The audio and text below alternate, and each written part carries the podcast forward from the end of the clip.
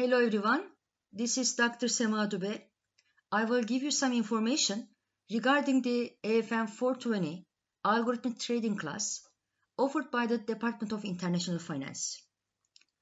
This class is an introduction to algorithmic trading where we will learn how to create buy and sell orders based on conditions related to asset prices, asset quantities, and other factors.